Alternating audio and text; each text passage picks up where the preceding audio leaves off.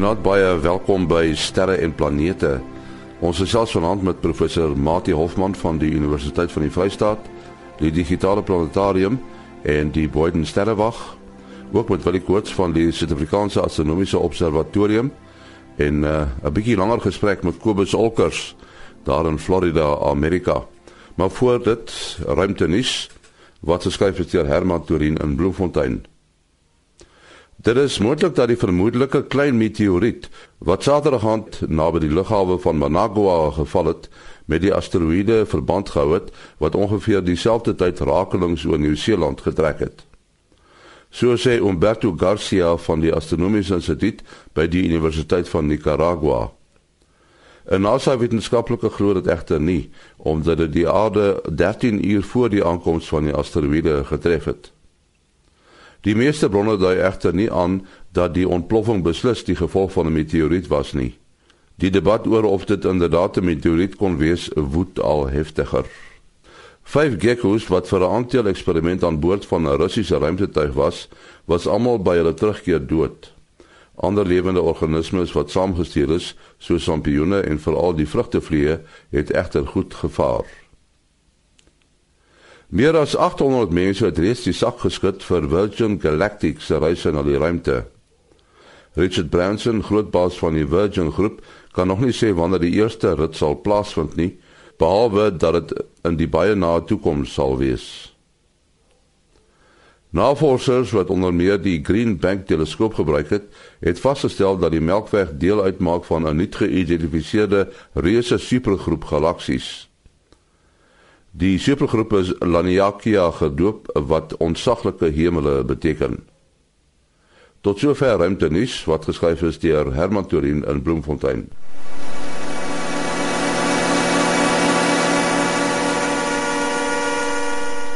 Sterre en planete kuier weer op 26 en 27 September by die Rust se Ekofees op Kamanassi Blue. Kom kyk gerus na planete soos Saturnus en Mercurius, die Juwelicus en die reuse Omega Centauri sterrebondel by die Suiderkruis. Skakel vir Gwen by 0722924103.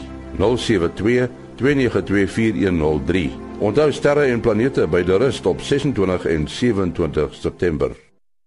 Vanaand het ons uh, vir Kobus Olkers wat deelneem aan die program. Uh, hy hy gaan ook 'n bietjie van 'n son weervoorspelling gee.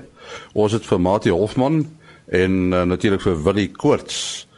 Uh, ek wil eers 'n bietjie gesels oor die klip wat geval het daar in Suid-Amerika, Nicaragua. Uh, dit lyk my uh, Willie die ouens stry nog oor of dit werklik 'n meteoriet was en of dit uh, iets anders was nie. Ja, ja, dis interessant die die die eerste stories wat ons gesien het, het een of ander mense afleiding gemaak en gesê die krater, die krater is uh, wat is soos 12 meter in deursnee en ek dink 5 me 5 en 'n half meter uh, diep uh, in 'n in 'n baie uh, onherbergsame deel van 'n woud en ehm um, dit hulle nou gereken maar dit is dalk 'n meteoriet wat daar getref het. Nou 'n klomp mense het toe nou onmiddellik gesê goed, gewoonlik met want hierso praat ons dan nou van 'n ding wat 'n paar meter in deursnee sou gewees het voor hy die atmosfeer binne gekom het. En ehm um, en om om so iets uh, so iets gaan nie ongesien verby nie. So iemand moes darm gesien het die ding. Ons ons dou ons dou van die ding in Rusland so 2 jaar terug uh, wat op op kameras vasgevang is en alles. En ehm um, so die ding moes am erns gesien gewees het deur deur mense. En daar's nog geen verslae en en geen uh, so iets het ingekom nie. So die uh, iets anders wat nou ook lyk vir my nie heeltemal strook nie is dat dit lyk asof die krater noem dit maar ouerig al is. Dit lyk asof die die die materiaal, dit lyk nie soos soort van vars materiaal nie en en die omgewing rondom dit is baie skoon in die sin van uh, uh, met 'n meteoriet impak het jy gewoonlik uh, baie baie energie wat vrygestel word wat die bome skroei en sulke klaste van goeters. So uh, dit is nie te ver van 'n lugmagbasis af nie. So nou begin mense af te lei, is dit nie dalk 'n uh, uh, uh, wapentuig wat hulle van ontslaag geraak het daar of wat ook al nie. Ja, so lyk like my die jury is nog uit op hierdie ding. Daar is nog nie dit is nog nie bevestig dat dit wel 'n 'n meteoriet impak was nie. Ja, Mati, mens miskien uh, net 'n bietjie gesels oor hierdie ding van meteoriet of asteroïde. Uh, ek dink iemand het eendag gesê dat 'n uh, meteoriet is 'n uh, klip wat tot so 17 meter in deursnit is en uh, alles groter as dit is 'n asteroïde, is ek reg? Meteoriet verwys eintlik uh, na die ding wat op die aarde geval het. Ja. Ek dink jy kan praat van 'n uh, 'n miskien 'n meteoroid, dis 'n term wat hulle gebruik en dit neem ek aan as hy 'n meteoriet is en hy's 'n meteoroid dan is hy nou nog in die ruimte, nog nie op die grond geval nie. Die meeste van dit wat ons ons as meteore ken, uh, brand ons maar uit as hy oorleef, daai stukkies of of dit nou groot of klein is wat die aarde bereik, uh, is die meteoriet. Nou die onderskeid wanneer die ding nou 'n asteroïde word, ek het ook die die die gevoelswaar dat ek aan die term asteroïde uh, reg is groter. Ehm um, terwyl baie van hierdie voorwerpe is nou maar soos 'n klein klippie of selfs 'n sandkorreltjie en so aan. Ehm um, dan moet mens dalk eerder van 'n meteoroid wil jy met daai bietjie help ook met die uitspraak uh, ja. wat daardie onderskeidinge raak en daai wanneer wanneer dit nou by die grootte kom raak nou 'n bietjie fyn. Ek ek het net gehoor uh, as hy in in in die uh, in die lug is dan sê hy meteoor. En as hy nou die grond tref dan sê hy mete, ja. meteoriet. Maar nou uh, ek ek, on, ek onthou nou toe uh, Japie gepraat het van hierdie net wat hulle wat hulle maak om 'n uh, asteroïde te vang. Toe sê hulle dit dis nie 'n baie groot ja. asteroïde nie, hy is hier so 19 meter. Met ander woorde, dit is nou al 'n uh, asteroïde. Ja, ja, ek ja. het ook al oor die jare en dit lyk vir my die die grootte die definisie het so al verander. In die begin kon met die uh, um, toerusting op aarde kon jy uh, net 'n asteroïde uh, bokant 'n sekere grootte net waarneem en ek dink in die begin was dit by die 100 meter of iets gewees en soos wat die tegnologie verbeter het en mense kleiner en kleiner goed kon waarneem het lyk my die skaal ook 'n bietjie gesak en ek dink dit is toe juis waar hulle die term van um, meteoroid uh, ingebring het. So dit is eintlik dan enige klip wat daarbo vlieg en dan en dan die natuurlik soos dit van die aarde af lyk uh die die die uh, die regte naam vir 'n verskillende ster soos nou gesê het is 'n meteoor. Ehm um, so dan as dit natuurlik baie helder is is 'n groot ding is dan gaan hy vir jou 'n vuurbal gee en uh, daar's nog name vir groter goeters ook so. Dis dan maar eintlik lyk dit vir my net 'n benaming van hoe dit dan van die aarde af lyk as jy nou van 'n meteoor praat want dan lyk soos 'n verskillende ster is ek het ek het redelik onlangs self daaroor opgelees en ehm um, die jy kry die asteroïde, dan kry jy die meteoroïde en die die grens klink my is by is by 10 meter wat hulle van praat. En ek kan onthou ek het jare gelede gewerk aan 'n projek uh om meteoriet uh kommunikasie in werking te stel. Dit, dit werk op dieselfde beginsel as kortgolf, maar in plaas daarvan dat jy dit van die ionosfeer af iets iets uh af af sny of af af bons bons jy dit hier van die plasma spoor af wat wat deur 'n meteoriet gemaak word en hierdie goedjies is so is so klein so stofkorreltjies. 'n Meteoriet met ander woorde, dis enigiets wat wat bitterklein is, van van sandkorrelgrootte tot ryskorrelgrootte omtrent. Ons moet dalk in uh, van Sail se stewige sterrekunde boek ehm um, dit is ontsluier die heelal gaan kyk. Ek hy het oor baie jare het hy op datum gebly met die goed. So ek dink ons kan dit seker behalwe nou van die heel nuutste ontwikkelinge as 'n standaardwerk beskou. Daar's ook die sterkende woordeboek. Ek sou nogal af van hou as ons nou van hierdie uh kleiner voorwerpe van sê nou maar 'n paar meter tot so sê nou maar 'n tennisbal sou kon praat sommer as 'n ruimteklip. Uh dis nou maar soos op die aarde wanneer wanneer is wanneer is iets nou 'n klip en wanneer is hy 'n rots. So jy kan kry gedink aan ruimterotse en ruimteklippe, maar iewers sal daar 'n amptelike liggaam wees wat nou maar die goed gaan klassifiseer, want ons het ons definisies nodig anders praat ons by mekaar uh verby. Precies. Maar die feit is as selfs as iets baie klein is soos daai reiskorreltjie of so iets gaan en dan is daar die hoë spoed maak hy nog steeds daardie lig spoor wat jy kan sien. Dis eintlik die verstommende dat iets wat so klein is nog soveel energie in hom kan hê want op die ja, ou end speel die spoed 'n baie belangrike rol. Ja, ja. Dit is baie ja. ek het nooit daaraan gedink dat 'n mens daardie plasma spoor sal kan gebruik om uh radiogolwe te weerkaats nie, maar dit klink vir my nou ek is daar genoeg van spore op enige gegee tyd dat dit gaan werk. As as jy nou mooi kyk na die geometrie van 'n ding dan dan uh, ons kan eendag van die tyd daarna kyk. Dit, dit dan as jy 'n ellip trek tussen twee punte en jy is op die twee fokusse van die van die ellips. Ehm um, dan kan jy 'n loodregte weerkaatsing kry enige van enige ding wat uh wat 'n raaklyn is aan daai ellips. En daar is so baie meteoriete dat ons op enige tussen enige twee plekke wat wat binne weerkaats afstand is van mekaar af. Dat jy omtrent elk tussen 3 en en en en, en tussen 3 en en en ehm um, 7 minute. Elke tussen elke 3 en 7 minute kry jy 'n meteorietspoor wat wat so soliede uh plasma uh plasma spoor los dat jy weerkaatsing kan kry tussen daai twee punte. As jy dit terugwerk na die totale hoeveelheid van hierdie meteoorspore wat jy kry, dan is dit duisende en duisende per uur uh wat wat inkom. Hierdie klein stofkorreltjies is die ruimte vol. Uh julle twee mense wat wat met die met die naby ruimte werk sal dit sal dit weet. Ehm um, en ons ons het duisende en duisende en duisende van hulle wat wat elke uur op die aarde inkom. Ja. ja, ons ek wil miskien net noem dat uh, ja, daai daai 10 meter grens uh verbeel ek my het ek ook laaste gelees dat dit was eers 100 meter en en toe hulle deteksie nou verbeter is ook nou half 10 meter en daardie um deteksie wat jy nou van praat in Sutherland het daarop kol 'n instrument uh, gestaan eksperiment uh, met die naam van Sprite. En en Sprite het dink ek dit andersom gedoen as wat julle gedoen het. So julle het nou kommunikasie gedoen deur uh, die um, plasma wat die meteoor vir jou los. Uh, uh hierso het hulle hom weer andersom gedoen is en uh, daar is gewoonlik genoeg uh, radiokommunikasie aan die ander kant van die wêreld wat jy kan skielik op uh, opvang as daar 'n um, so so skielike meteoorspoor verskyn. En uh, so hulle het juist navorsing gedoen om te kyk hoe dikwels gebeur dit en en daar was op 'n stadium 'n 'n eksperiment in Sutherland wat dit wat dit presies gedoen het. Ja. Ja, ons het 'n stelsel gehad wat tussen Pretoria en Durban geloop het. Uh en en ons het daar uh genoeg hoë bandwydte spore. Die die die spoortjie hou tipies vir 'n vir so 'n paar sekondes, 2, 3 sekondes en dit is sy bandwydte is so hoog dat 'n mens uh omtrent kontinuus sprake aan die gang of ten minste kontinuus redelike stadige data kan kan deurstuur. En ons het ons het hierdie vir jare bedryf tussen Pretoria en Durban. Ja, want die interessant die eksperiment wat dis eintlik 'n opvolgeksperiment uh, wat op die oomblik nie in werking is nie, maar dit is Universiteit van KwaZulu-Natal is weer iemand daar wat 'n instrument het. Uh en is die instrument is net basies 'n antenne wat daar buite staan en en dan ja. doen hulle iets soortgelyks. Ja, ja. Dis waarskynlik die oorblyfsels van ons oorspronklike eksperiment. Dis kan nooit anders ja, dis heel waarskynlik.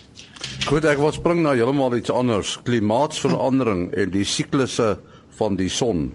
Is daar 'n korrelasie Kobus? Ja, ongelukkig is daar ehm um, en en dit is mense wou dit nie hoor toe ons dit vir die eerste keer begin sê het nie en daar is 'n verskriklike klomp werk gedoen om om na ander bronne van klimaatsverandering te kyk. Uh vreeslik baie geld is gemors in plaas daarvan dat die mense uh kon voorbehoed wat wat wat kom moes moes gebeur het en en solank begin werk het aan aan aan regstellende stappe is uh, het hulle vreeslik baie tyd spandeer aan ander goed. Ja, om terug te kom na jou vraag toe ja. Die son het 'n uh het met ons soos ons almal nou al weet hierdie min of meer 11 jaar siklus. Ehm um, hy so 11 en 'n knertsie jaar, maar hy's nie 'n presiese siklus nie. Dit is 'n 'n komplekse proses of terwyl in die ou dae het ons dit 'n fraktale proses genoem binne bo op hierdie op hierdie 11 jaar siklus is daar nou nog ander veranderinge wat plaasvind. En ons laaste groot verandering, die son het sedert uh die middel 1800s. Uh in daai tyd was die son redelik stil gewees klimatologies. Maar as ons nou kyk na 'n grafiek van die die pieke van die van die 11 jaar siklus, dan het ons gesien dat daar dat hy stadig opgeloop het en hy het hier in 1958 het ons die grootste uh sonpiek gehad wat ons in meer as 2 eeue gehad het. En dit is nou weer besig om af te gaan. Nou hoe ek altyd hierdie ding probeer beskryf is uh is soos as jy nou as jy nou 'n pot sop probeer warm maak uh probeer kook. Ehm um, jy kry hom nou sê maar iemand soos of kom ons sê dis is iemand wat 'n wat 'n potjie maak en as jy 'n potjie nou mos net mooi in die aan die koker dan, dan maak hy so elke paar minute of elke paar sekondes maak hy so een of twee net so een borreltjie. Dan is dan prut hy mos nou mooi en dan kan 'n mens mos nou lekker kuier en en heel wat van die van die koues absorbeer terwyl hy nou so staar gaar word en die, die goed met mekaar praat. Nou wat dan wat gebeur is as 'n mens as 'n mens nou gaan kyk na daai borreltjie wat so elke paar sekondes opkom, dan gaan jy sien as jy met 'n stophorlosie na kyk, as jy sien hulle kom omtrent altyd met met met baie uh, periodieke tussenposes. En as jy nou die temperatuur gaan meet in die in die ding op die oppervlakte daar waar jy op die plek waar die bolletjie uitkom, dan gaan jy sien, nee maar kyk ons uh die temperatuur gaan op en dan as die bolletjie uitgekom en dan gaan hy weer af en so het ons 'n siklus en dit is presies ons ons temperatuur siklus op die aarde was. As jy nou net een of twee koeltjies daarby sit, dan is hy skielik nie meer stabiel nie. Nou begin hy kook en nou raak hy wat ons sê chaoties. Nou kry jy 'n botteltjie wat hier uitspring en wat daar uitspring en jy het nie meer hierdie mooi sikliese ding van somer en winter deur deur die jaar onder andere nie.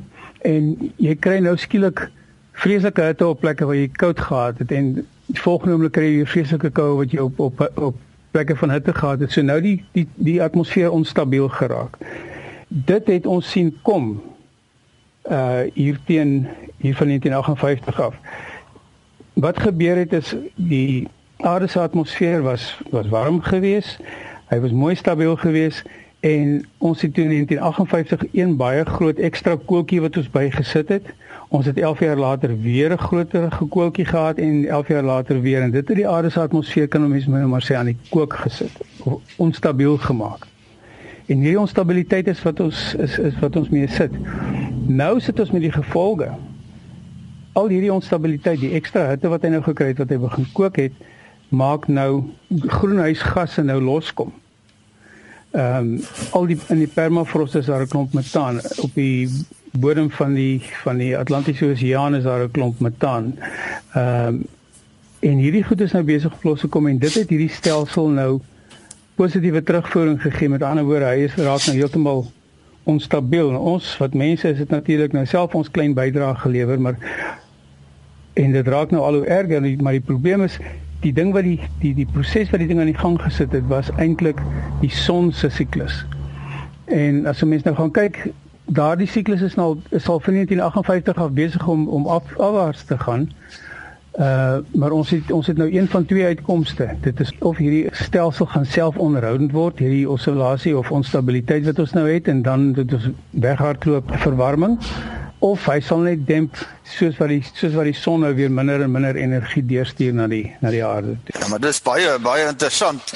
Die uh ek wil net daar vra die, die, die proses wat jy nou beskryf het is uh nou direk gekoppel aan daardie 11 jaar siklus. Uh kan jy miskien, ek dink jy het al op 'n stadium daaroor gepraat, die Maunder minimum toe die son vir ongeveer 50 jaar baie uh oneffektief was, onaktief was en omtrent geen maksimum noemensmaarige maksima in sonvlekke uh ensovoorts gehad het nie en hoe dit gekorreleer het met die sogenaamde mini-ystydperk in Europa. Absoluut ja, die Monder minimum was hier van laat in die 1600s tot vroeg tot redelik diep in die middel van die van die 1700s in. En op daardie stadium het die son vir 'n omtrent 70 jaar, 4 74 jaar het hy geen vlekke omtrent gewys wat wat mense kon sien nie. Soos soos jy reg gesê het, maar het ons die Theems rivier in Londen het op 'n stadium begin opvries en hy het nie en hy het nie weer ontvries uh deur die somers nie. Ehm um, ons ons het 'n mini ystydperk letterlik gehad. Europa was onder 'n mini ystydperk gewees uh in die res van die noordelike halfrond. En soveel so dat die die die golfstroom wat uh wel die wat die, die gevolg daarvan was dat die golfstroom wat wat Engeland eintlik warm hou het so afgekoel dat Engeland en daardie gedeelte van Europa nie meer kon kon warm hou nie. Uh so daar is 'n absolute beslisste korrelasie tussen sonaktiwiteit en en en klimaat en ons natuurlik ook as 'n mens nou baie verder teruggaan het ons het ons uh, presies dieselfde kondisies wat ons nou het waar CO2 uh heeltemal weghardloop het ons gekry hier uh, meer as hier by 100 000 jaar gelede toe was daar absoluut geen mense wat wat CO2 gebrand het nie. maar ons het CO2 pieke gekry en ons het as ons teruggaan in die in die fossiel rekord en sien ons dit nog verder terug. Hierdie is 'n absolute ding wat wat al hoeveel keer gebeur het en dit is baie baie goed gekorreleer met uh met met wat wat die son wat die son vir ons gee. Ook interessant dat die mense glad nie meer praat oor die ozongat nie, né? jy ken my en jy weet dit is nog nog 'n probleem wat ek het hierdie. As jy nou mooi gaan kyk, ons het mos nou die die aardes, die areas in die noord noordelike by by die noordpool en by die suidpool waar die auroras nou voorkom. Ons noem dit die aurora oval. Nou ons moet onsself nou net hierdie ding indink die aarde is nou vir ons is, is nou aan sy bokant is dit is hy het hy 'n magneetpool en onder het hy 'n magneetpool. Maar hierdie magneet wat eintlik kon kos noem dit maar 'n virtuele magneet. Die hele aarde is dit maar die een wat ons in effek kry is daar is daar 'n pool wat so paar honderd kilometer onder kan die noordpool sit en so paar honderd kilometer onder kan die suidpool. Met ander woorde, as jy nou kyk na die veldlyne wat van hierdie staafmagneet af uitgaan, dan sien jy sien hy as jy nou 'n magneet so in jou in jou kop probeer voorstel, dan sê jy sien hierdie veldlyne gaan ons nou hulle gaan nooit vertikaal op nie, hulle gaan so na die kant toe en hulle hulle versprei.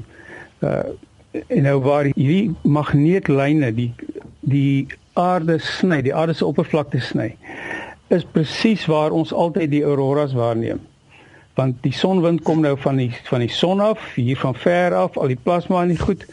Die partikels word gegryp deur die magneetveld van die aarde en hulle word gelei na hierdie hulle word afgelei na hierdie plekke toe waar die veldlyne nou die aarde sny.